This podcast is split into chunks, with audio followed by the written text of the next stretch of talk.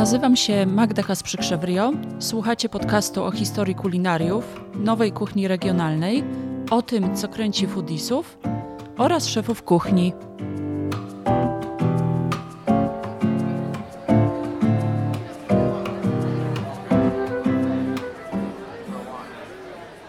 Cześć, hej, dzień dobry, witam Was bardzo serdecznie.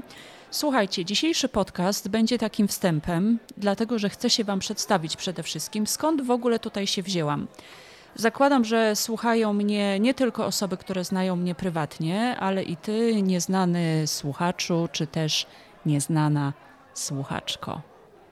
Od ponad dekady piszę o jedzeniu i jego historii. Mawia się, że jedzenie to dzisiaj jest nowy seks. Ale niezależnie od tego, czy to prawda, czy też nie, y, dla mnie jedzenie to doświadczenie niezwykle sensualne, intymne, a do tego kulturowe i przenoszące w inny świat, świat y, czasami wyobraźni, fantazji. A zajmując się jedzeniem zawodowo, mam przy tym przede wszystkim bardzo, bardzo dużo zabawy. Jestem publicystką i jakkolwiek by to nie brzmiało, także aktywistką kulinarną, a także współautorką książki pod tytułem Kapłony i Szczerzuje, opowieść o zapomnianej kuchni polskiej, o której być może gdzieś już słyszałeś albo słyszałaś, a wydanej dwa lata temu wraz z moim mentorem od kuchni historycznej, profesorem Jarosławem Dumanowskim, którego w tym miejscu serdecznie pozdrawiam. Mam nadzieję, że też mnie słucha. Y, Kapłony to taki wywiad rzeka, w którym poruszamy wątki związane z utratą bioróżnorodności, historią smaku, bardzo ciekawe rzeczy, związkami kuchni z religią, hierarchią w kuchni, czyli trochę o gotowaniu kobiecym, trochę o gotowaniu męskim, czy też wreszcie dawną dietetyką. Naprawdę wiele fascynujących tematów, o których też będzie mowa w innych podcastach. Słuchajcie, w lipcu, także nakładem wydawnictwa Czarne, ukaże się moja nowa książka, tym razem o historii mięsa. Temat gorący, a mianowicie, i tu uwaga, muszę się bardzo skupić, dlatego że tytuł jest równie prosty jak kapłonów, czyli Sztuka mięs ze szlachtuza. Sztuka mięs ze szlachtuza, nieopowiedziana historia mięsa. Do jej zakupu już teraz bardzo Cię zachęcam. Ale dzisiaj y, w tym wprowadzającym podcaście o nowej książce nie będę mówić. Y, chciała Wam przede wszystkim opowiedzieć o tym, jak doszło do tego, że z zawodu prawniczego przeskoczyłam do kulinariów, tak zwanego kucharzenia, jak ktoś mi gdzieś kiedyś pogardliwie powiedział, e, dlatego że chcę, żebyście zobaczyli, jak zbiegi okoliczności mogą pokierować na właściwą ścieżkę życia, która przyniesie Wam spełnienie, uznanie, a także z czasem i pieniądze. Dlatego, kochani, jeżeli ktoś z Was tutaj ma pasję, to zachęcam do jej rozwijania, podążania za własną intuicją, za głosem Waszego serca, nawet jeśli wydaje się to totalnie nielogiczne. A jeśli chodzi o mnie, to od niemal dekady piszę głównie, ale nie tylko, o przeszłości kuchni. I mój zamiar tutaj jest taki, by oderwać się trochę od takich narodowych tonów. Zatem, jeśli się spodziewasz, że będę piać peany na temat tego, jaka to nasza kuchnia narodowa była wspaniała i najlepsza, przez to, że jest polska, no to jesteś w błędzie.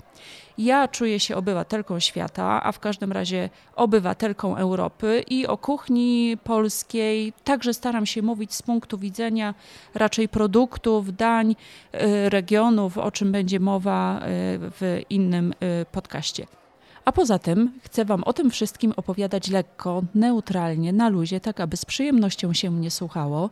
Najlepiej przy kieliszku wina albo jakiejś innej czynności rekreacyjnej, no bo przecież mamy w końcu lato. Na przykład może to być relaks w hamaku. Przy okazji pojawi się nie tylko sporo wiedzy, ciekawostek, ale i inspiracji dla Was do fajnych eksperymentów w Waszej kuchni. Oczywiście, jeśli będziecie chcieli eksperymentować, no bo przecież nie musicie. Bakcyla kulinarno-historycznego wyniosłam z domu, odkąd jako dziecko urodzone w epoce gierkowskiego dobrobytu odkryłam w biblioteczce obco i dziwacznie brzmiąco pozycje, takie jak choćby tortilla u Sancho Pansy, Nobel dla papryki czy bestseller Samograj, znane i lubiane, ja też go lubię, w staropolskiej y, kuchni. Wszystkie te pozycje y, musicie znać, jeżeli macie y, troszeczkę więcej niż 40 lat albo jesteście w okolicach 40.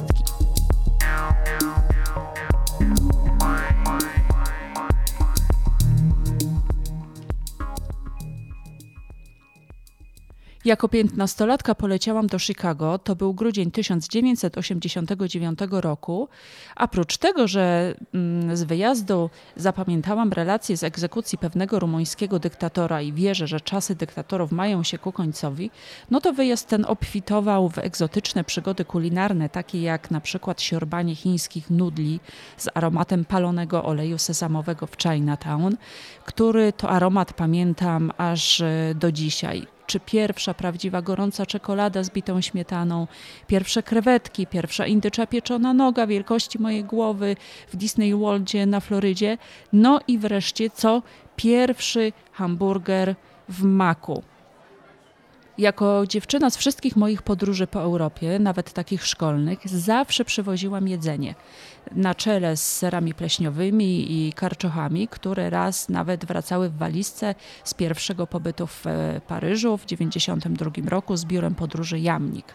Nazwę biura zapamiętałam z tego względu, że zapomniało zabrać mnie i moją przyjaciółkę do Polski z placu de la Concorde wskutek czego nasz pobyt w stolicy Francji, ku naszej uciesze, przedłużył się o cały tydzień. Y, nie miałam wówczas jako młoda dziewczyna zielonego pojęcia, że karczochy uprawiano w przeszłości także i w Polsce, na przykład w pobliżu Krakowa i to kilkaset lat temu.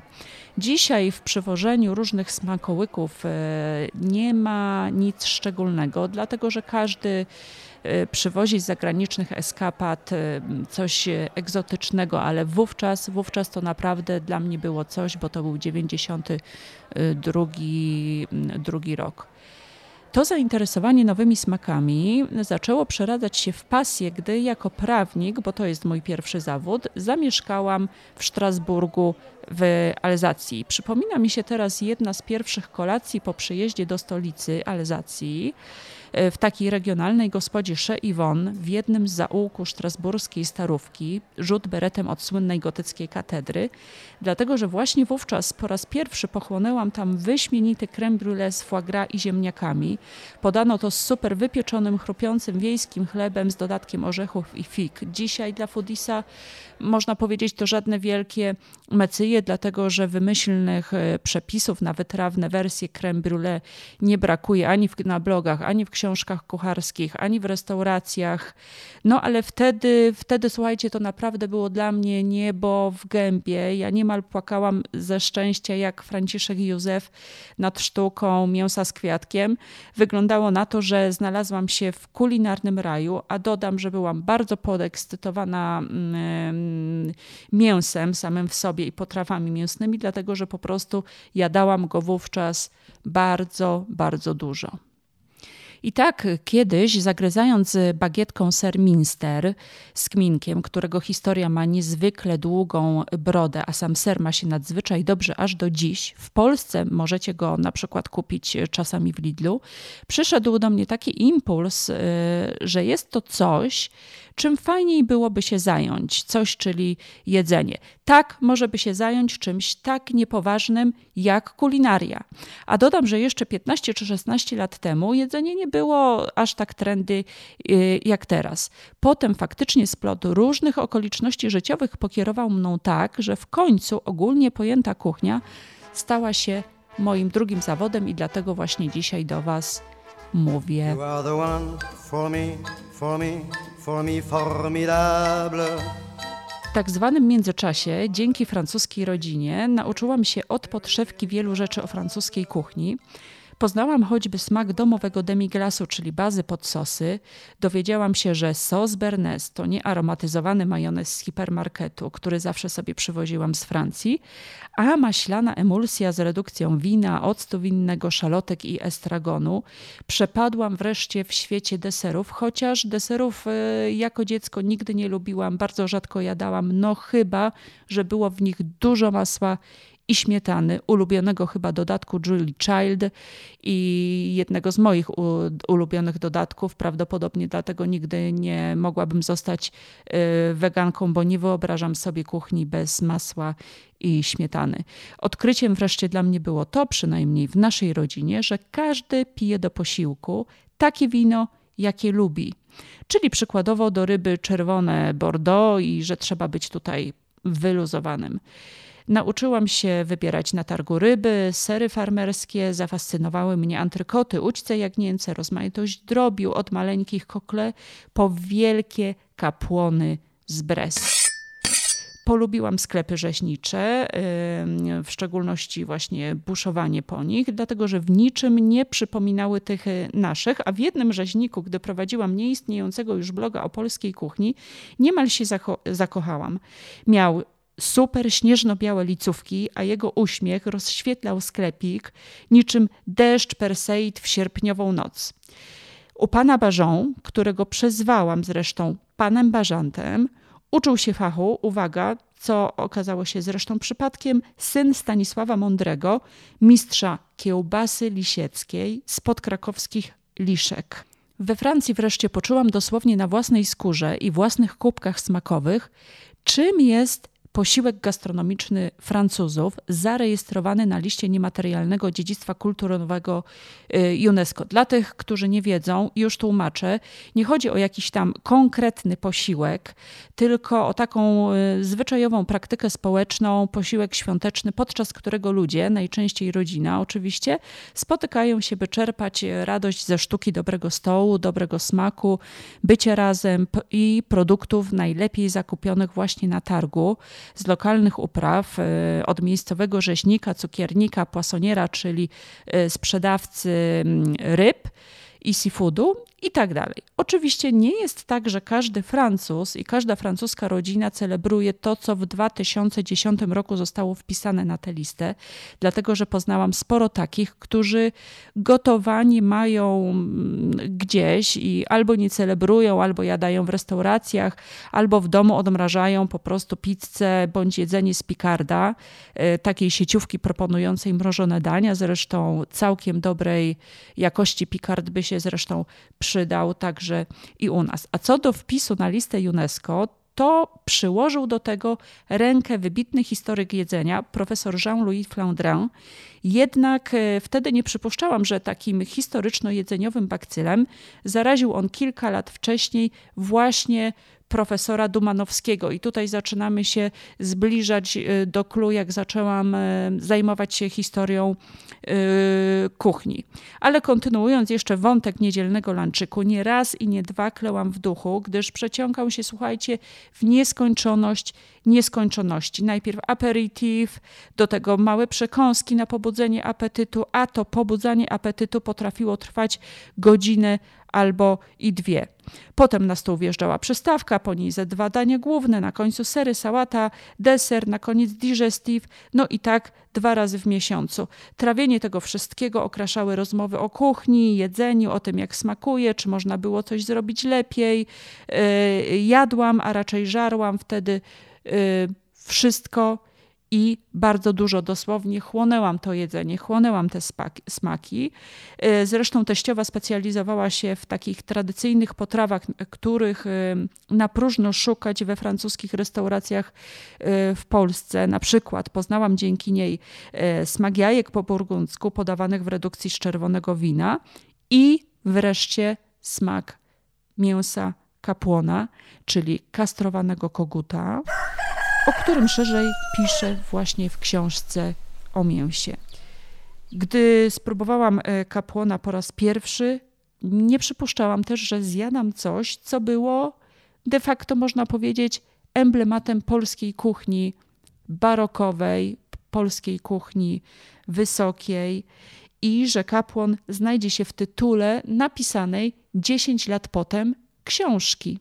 I tak e, myślałam czasem z pewną nostalgią, że i my, Polacy, też mamy mnóstwo kulinarnych e, wspaniałości, superproduktów, dań, tradycji, smaków, ale oczywiście wyłaził ze mnie gastronomiczny kompleks niższości, że jak tutaj się równać do królowej, królowych światowych kuchni. To myślenie z czasem totalnie się zmieniło.